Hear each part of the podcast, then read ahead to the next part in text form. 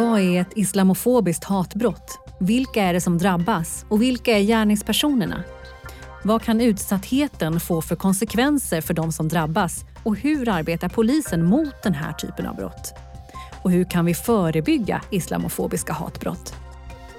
Du lyssnar på Snacka om brott, en podd från Brottsförebyggande rådet. Programledare är Monica Landegård.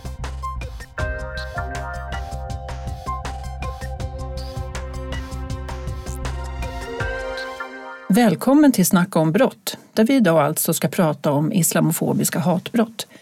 Samtalet bygger på en rapport som Brå publicerade under våren 2021 och en av författarna till den rapporten är med här idag. Det är Lisa Wallin som är utredare på Brå.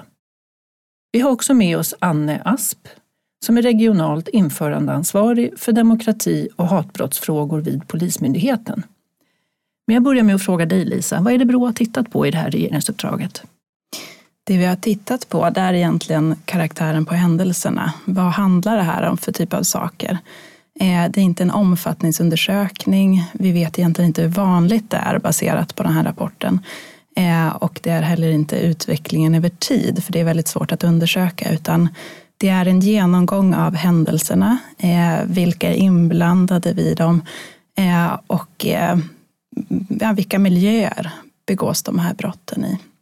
Eh, och det har vi tittat på då genom både att göra intervjuer med utsatta personer, med personer inom rättsväsendet som arbetar med de här frågorna, men också med forskare och eh, andra intresseorganisationer eh, som stöter på frågorna. Och sen har vi också gått igenom då polisanmälningar gällande islamofobiska hatbrott och också då förundersökningar i förekommande fall. Vad är ett eh, islamofobiskt hatbrott enligt Brås definition? Islamofobiska hatbrott utgörs av brotten hets mot folkgrupp och olaga diskriminering, men det kan också vara samtliga övriga brott som begås med eh, ett hatbrottsmotiv, där det är att kränka någon på grund av att det är eller antas vara muslimer. Sen är det en svår gränsdragning ibland mellan islamkritik och islamofobi. Eh, och det är någonting som diskuteras väldigt ofta. Eh, men det är en tydlig gräns där mellan att tycka illa om någonting eh, och att faktiskt agera på det, eh, där det blir ett brottsligt agerande. Men hur ser den här utsattheten ut? Vad, vad kan det handla om för typ av brott? Det som är vanligast både egentligen i polisanmälningarna och när vi pratar med då utsatta muslimer, det är hot och ofredanden och Eh, den typen av kränkningar. Eh, sen kan det se lite olika ut beroende på om den som är utsatt är kvinna eller man. Det man kan säga det är ju att eh, muslimska kvinnor upplever en större utsatthet just för att de är synliga muslimer. De som har slöja på sig då, tänker jag på. Och det de beskriver och det som syns i anmälningarna det är utsatthet i offentliga sammanhang. När de är på tunnelbanan eller på bussen. Framförallt okända personer då.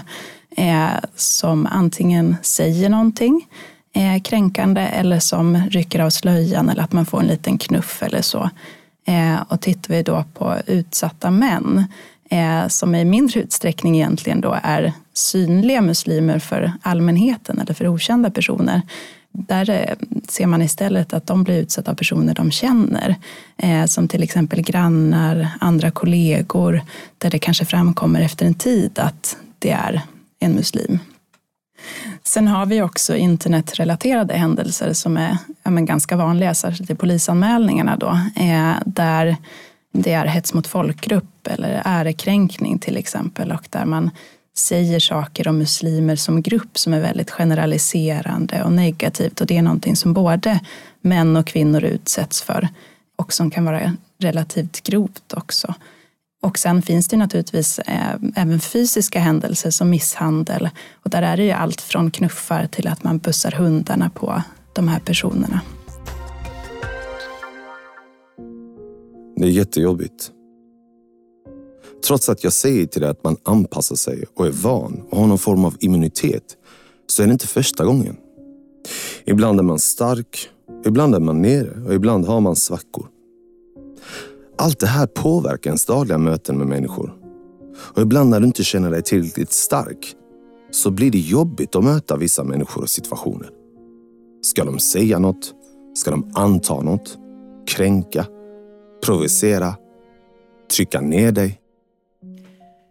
Här hörde vi ett eh, inläst citat från en av de personer som ni har intervjuat i rapporten Lisa. Kan du berätta någonting mer om vilka konsekvenser det här kan få för muslimer att utsättas för hatbrott? Det kan variera ganska stort eh, beroende på vad det är för typ av händelser och om det handlar om en enstaka händelse eller om det är en lång tid av utsatthet. Men det många beskriver det är en initial chock. Eh, att man är inte beredd när det händer. Det sker ofta i förbigående, kanske när man kliver av tunnelbanevagnen. Eh, och ofta har gärningspersonen också då hunnit gå iväg så att man hinner inte reagera på det här heller. Eh, och sen ur ett längre perspektiv då kan det variera mellan en normaliseringsprocess där man från början kanske första gången då beskriver den här chocken men efter att det har, har skett vid upprepade tillfällen Eh, så blir man, det blir normaliserat helt enkelt. Och det citatet som vi hörde eh, tidigare handlar ju just om det att även om man då upplever att det här är någonting som jag har vant mig vid så någonstans så, så upplever man det ändå som jobbigt. Eh, och sen har vi andra som också då beskriver mer en nednötningsmekanism. Att första gången kanske man inte reagerade så mycket utan tänkte att ja, men det här var en enskild händelse. Den här personen mådde dåligt kanske. Eh, var inte riktat mot mig egentligen. Men har man då varit med om det ett par gånger då blir det kanske till och med tuffare och tuffare efter ett tag. Och eh, framförallt slöjbärande kvinnor då som beskriver den här lite längre mm, utsattheten och nednötningsmekanismen. Där kan man ju prata om eh, långsiktiga konsekvenser i form av depression och att man till och med undviker att gå ut på vissa platser för att man vill undvika utsatthet. Man går helst inte och handlar i affären utan man skickar sin man och nästan isolerar sig eller undviker vissa områden som man upplever som problematiska för att man riskerar att bli utsatt där. Men Anne, du som arbetar som polis också med de här frågorna, hur, är det här en bild du känner igen? Hur, hur jobbar polisen mot den här typen av brott? Jag känner absolut igen eh, det Lisa nämner. Polisen eh, jobbar bra mot eh, de här frågorna men det krävs mer kunskap och eh, man har under senare åren så har det varit en mängd olika utbildningar för att förbättra kunskapen. Men det är bara en del. Det är också en kunskap om vad har vi för inställning, vad har vi för attityd, vad har vi för förståelse. För hur mycket kunskap vi än har om demokrati och hatbrott så hjälper det inte om vi inte har kunskap om vår egen inställning, attityd och förståelse. För det handlar om bemötande, det handlar om hur vi är i situationen, i stunden för den som är utsatt, som den har kanske börjat isolera sig, som känner sig väldigt kränkt och som upplever en normalisering, som kanske inte ens förstår hur utsatt den är för att den är så inne i att det här är ett normalt beteende från vissa människor och då blir det en normal situation för den utsatta. Så vi har ett stort ansvar för att ha en förståelse och bemötandet är absolut det viktigaste. Jag var tvungen att dra tillbaka min dotter. Vi skulle gå över övergångsstället och så kom en man och körde mot rött och höll på att köra över oss. Men hur ska jag veta? Det har inte hänt tidigare att någon vill köra på oss. Är det islamfobi eller är det en galning som bara kör mot rött? Här hörde vi ett inläst citat från en kvinna som också bar slöja vid tillfället men hon berättade aldrig det i sin polisanmälan för att hon tänkte att det inte hade någon betydelse. Hur tänker du Anne, frågar polisen rätt saker när, när ett anmält hatbrott kommer in? Ja, det är viktigt att ställa rätt frågor, absolut. Och man ska absolut också fråga eh, varför tror du att du blev utsatt? Vad tror du orsaken är till att just du har blivit utsatt för ett brott? Om det inte är tydligt att det är ett eh, ja, hets mot folkgrupp eller något liknande. Att eh, om man har blivit utsatt för misshandel, att man frågar varför tror du att just du blev misshandlad? Har du någon känsla av anledningen? Eh, vi ska inte sätta orden i munnen men vi ska heller inte låta bli att fråga. För att oftast den som är utsatt har ändå en känsla eller har förstått varför den har blivit utsatt. Är det många som anmäler av de som blir utsatta? Vet du någonting om det? det är ett stort mörkertal och det är ungefär som i många andra brottskategorier där det är, kan kännas lite skämmigt just för att man är så utsatt, man är så kränkt. Jag kan dra en parallell när vi utbildade i brott i nära relation så märker man ju också den här normaliseringen, minimaliseringen och att man känner sig eh, så utsatt och att man skäms för att man är utsatt. Och det ser vi precis på samma sätt när det gäller den här kategorin. Och eh, därför är ju en förståelse oerhört viktigt och att de här människorna ofta är utsatta eh, ja, jämt och ständigt. Det är också en viktig att man förstår hur, hur svårt de har det när det är återkommande, återkommande. Och då måste man våga ställa frågor, man måste inte kanske vara sympatisk utan empatisk och helt enkelt förstå den här situationen och inte ta det som ett brott bland alla andra utan det här är något som återkommer dag från dag, vecka till vecka, år efter år. Lisa, gärningspersonerna, vad visar rapporten där? Vilka är det som gör de här brotten? Eftersom gärningspersonerna ofta är okända vid de här händelserna så vet man ganska lite om dem. Till exempel de här situationerna som vi pratade om tidigare om där okända personer utsatt någon på stan och liknande.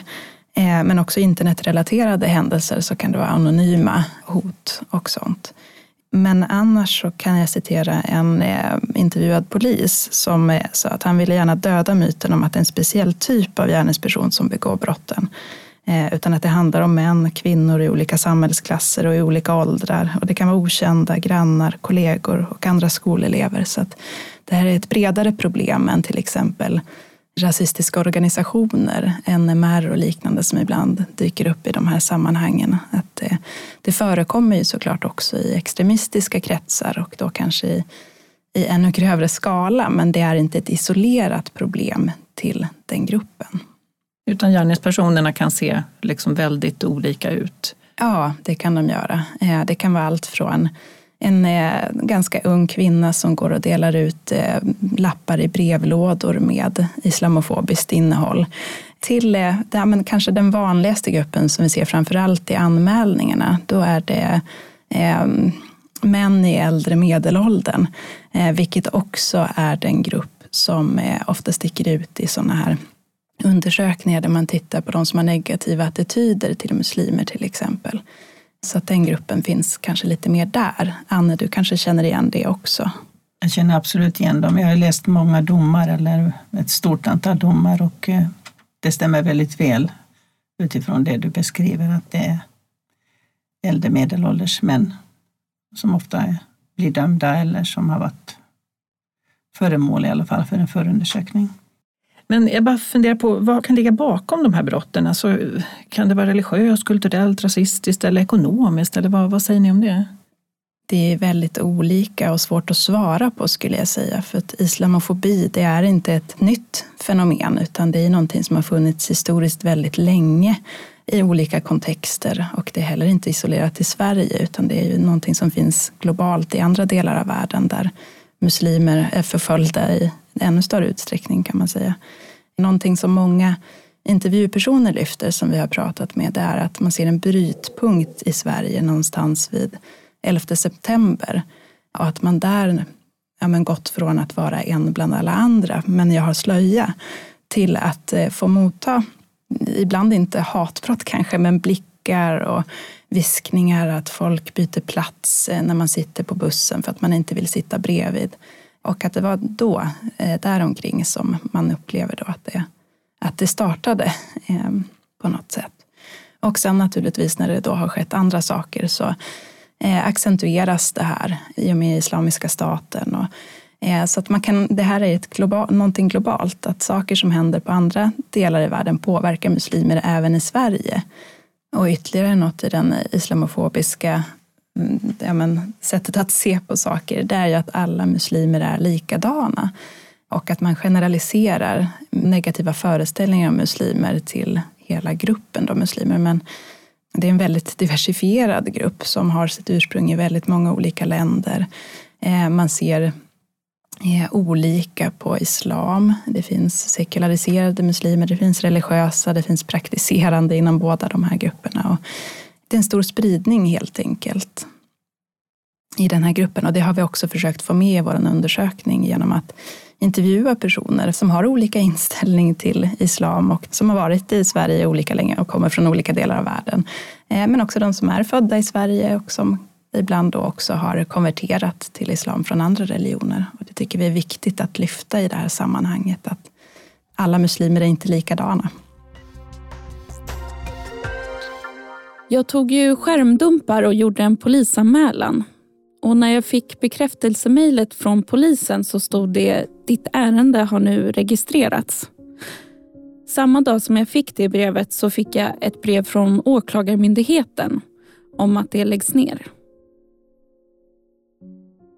Här hörde vi ytterligare ett inläst citat från en kvinna som berättar vad som hände när hon gjorde polisanmälan. Anne, kan du berätta lite mer konkret, hur arbetar polisen mot den här typen av brott? Alltså hur, vad händer när man gör en anmälan och, och hur arbetar ni liksom inom organisationen för att upplysa och informera och utbilda om den här typen av brott? När det kommer in en anmälan så har vi en hatbrottsmarkering som eh, kommer upp vid eh, skrivandet av en anmälan där det då står, är det här ett hatbrott, ja eller nej? Och man kan inte komma förbi den frågan förrän man har fyllt i det. Så har man missat någonting i anmälningsupptagningen så måste man ju komplettera i så fall. Eh, vad gäller det här citatet så kan man ju säga att eh, det har ju gått rätt till så tillvida att man har skickat vidare det till åklagaren för eh, beslut. Det är alltid åklagaren som är förundersökningsledare när det gäller demokrati och hatbrott. Däremot så kan det nog upplevas av den enskilde att eh, det har gått väldigt fort, man har registrerat och så är det nedlagt. Eh, och det måste kännas oerhört frustrerande om man inte har vidtagit några ytterligare åtgärder. Och då kan det vara viktigt att man har ett brottsofferperspektiv på det här så att man får eh, det förklarat för sig. Varför blev det så här? Varför kunde man inte gå vidare? Så polisens arbete när det gäller brottsoffer delen är oerhört viktig i, i de här frågorna. Och eh, här kan jag också tillägga att ofta kan det vara viktigt att vi tidigt tar in en tolk, eh, vilket man kanske inte alltid har gjort för att man tror att man har förstått varandra, men det sker en hel del språkförbistringar och missuppfattningar. Eh, vad gäller hur vi arbetar vidare för att bli bättre så har det varit stora utbildningsinsatser. Bland annat så har eh, Region Syd, Region Väst och Region Stockholm en fadderverksamhet för övriga regioner. Just för att eh, utbilda, för att eh, ge en bättre kompetens, vara ett stöd och rådgivande i de här tre stora regionerna så har man särskilda hatbrottsgrupper som utreder och de har givetvis då en, en hög kompetens och ett högt kunnande. I de övriga regionerna så har man särskilt utpekade hatbrottsutredare och de får kontinuerligt utbildning och information och får ta del av domar och eh, har stöd av de införandeansvariga som finns i varje respektive region så att de kan hela tiden hålla en kontakt och få hjälp och stöd så att det är ett ständigt pågående arbete och det måste fortgå. Det är ingen engångsinsats utan det här är något som måste fortgå hela tiden för att hålla kompetensen hög. Det låter ju som att ni gör mycket men du säger samtidigt att arbetet kan utvecklas. Vad är det mer som du ser att ni skulle behöva göra inom polisen? Personal som eh, är i ingripande verksamheten, alltså den yttre personalen och anmälningsupptagningen har ju ett särskilt behov att uh, ha en hög kunskap om de här brotten. Så det är viktigt med kontinuerlig utbildning och eh, jag tycker det är särskilt viktigt att man har en bra förståelse, man har en bra inställning, attityd och att man har tålamod. För det är inte alltid så lätt för personer som har varit utsatta att förklara sin situation och som sagt, det kan också vara språkförbistringar. Så att det krävs väldigt mycket av den som ska ta upp en anmälan och som ska beskriva vad motivet är, om det finns ett hatbrott i det brott som har skett. För det här är ju generellt kanske ingenting man fokuserar på heller i utredningsarbetet, just motivet, utan det eh, vad jag förstår att har ett brott skett och vem, vem var gärningspersonen? Men här är ju motivet i fokus på ett annat sätt än för annan brottslighet. Motivet är oerhört viktigt och i och med att det finns en straffskärpningsgrund om det finns ett eh, hatbrottsmotiv så är det särskilt viktigt och det ska man verkligen utreda som ett, ett särskilt spår. Antingen att det är ett hatbrott eller att det inte är det. kan vara lika viktigt att utesluta att det inte är det om det skulle vara någon annan anledning. Så det är verkligen viktigt. Jag tänkte på Lisa, en annan sak vi inte har kommit in på eh, nu hittills är någonting som ni nämner i rapporten eh, och det är demokratiunderskott. Kan du berätta lite om det, vad, vad ni, hur ni tänker kring det och har resonerat i rapporten? Mm.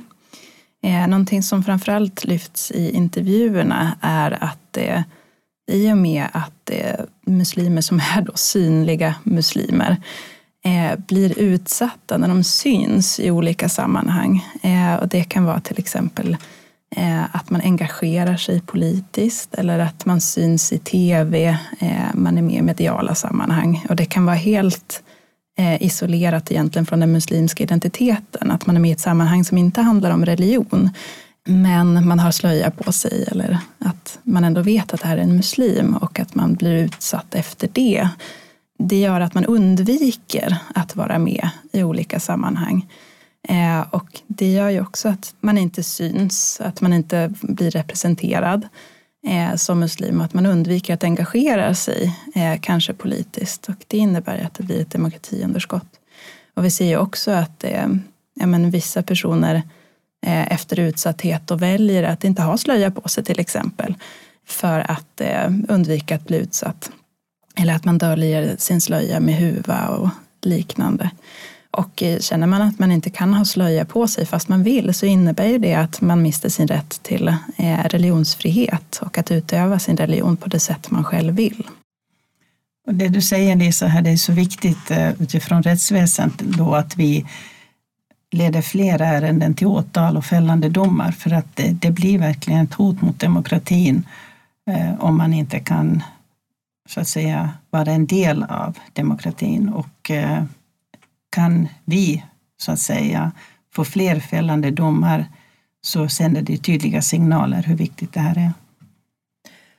Kan man förebygga islamofobiska hatbrott? Är det möjligt att göra det och hur går det till i så fall? det behövs ju både breda och specifika åtgärder för att komma till rätta med det här.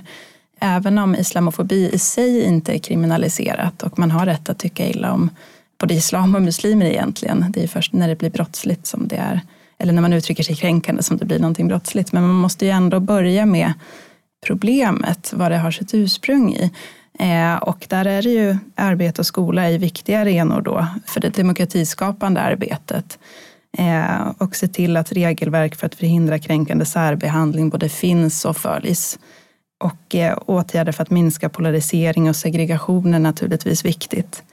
Ehm, det behövs också ytor för kunskaps och erfarenhetsutbyte kring vad det innebär att leva som muslim i Sverige idag. Eh, och samtidigt så behöver man, precis som Anne var inne på tidigare, ja, men arbeta mer med det som faktiskt kommer till rättsväsendets kännedom och vad kan man göra där för att stärka arbetet och hur kan man begränsa spridningen av hot och hat på internet till exempel. Ja, där kan jag haka på att polisen behöver finnas med i den digitala världen i en större omfattning och precis som det står i rapporten det här med att patrullera som gammal fotpatrullering så kan man patrullera i den digitala världen.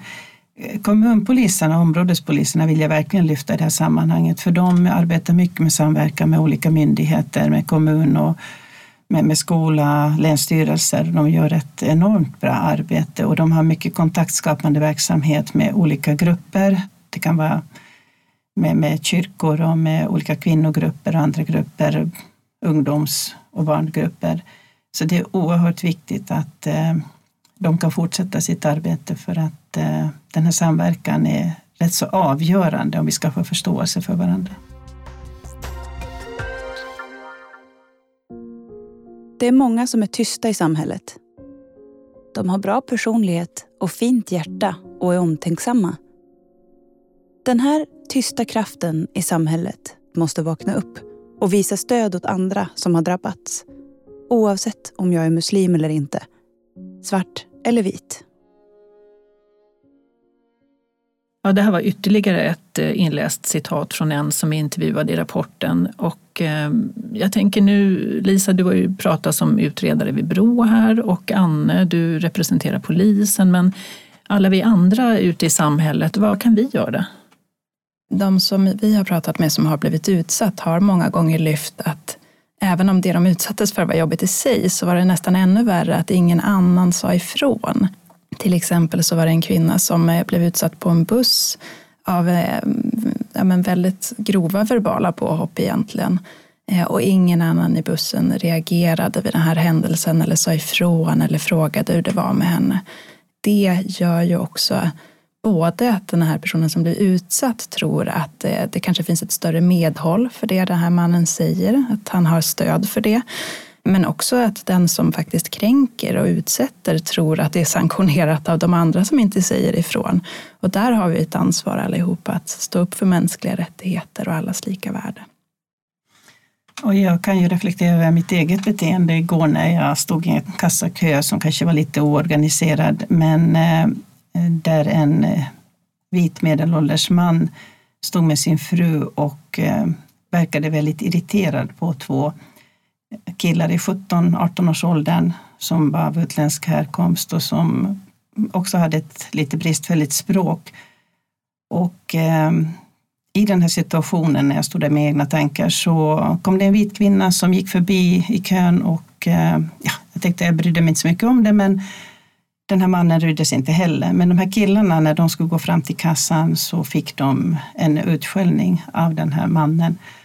Och eh, han uppfattade att de smet före i kön, vilket inte jag tyckte. Och det var så uppenbart eh, varför han just utsatte dem. Och jag kan känna att jag borde ha sagt ifrån. Jag borde ha gjort någonting i den situationen. För dels för att de var unga och dels för att de säkert upplevde att de var utsatta på grund av sin härkomst. Jag kommer nog inte göra om att vara tyst, men jag skämdes efteråt att jag inte själv sa någonting, för de var så oskyldigt påhoppade. Ja, det är en viktig påminnelse till hur viktigt det är att stötta och säga ifrån när man upptäcker eller är med om någonting som är så uppenbart fel och kränkande. Och där kan jag också lägga till faktiskt att det behöver ju inte vara bara den som själv har utsatt som anmäler en händelse. Eh, särskilt när då anmälningsbenägenheten är ganska låg för de här brotten och där kan man ju också ta sitt ansvar att berätta om den här händelsen på bussen, eh, till exempel för polisen och göra en anmälan själv om den utsatte då inte har styrka, ork eller kraft till det. Mm. Så är det. Stort tack till Lisa Wallin, utredare vid Brå och Anne Asp, regionalt införandeansvarig för demokrati och hatbrottsfrågor vid Polismyndigheten. Stort tack för att ni har bidragit med kunskap och, och klokskap kring islamofobiska hatbrott. Och tack till dig som har lyssnat. Sprid gärna podden till andra som du tror kan vara intresserade. Du har hört Snacka om brott från Brå. Idag om islamofobiska hatbrott och Brås rapport om det som publicerades under våren 2021. Om du vill läsa rapporten hittar du den på Brås hemsida och fler poddavsnitt hittar du i din poddapp. Programledare idag var Monica Landegård som är pressekreterare på Brå och avsnittet producerades av Umami Produktion.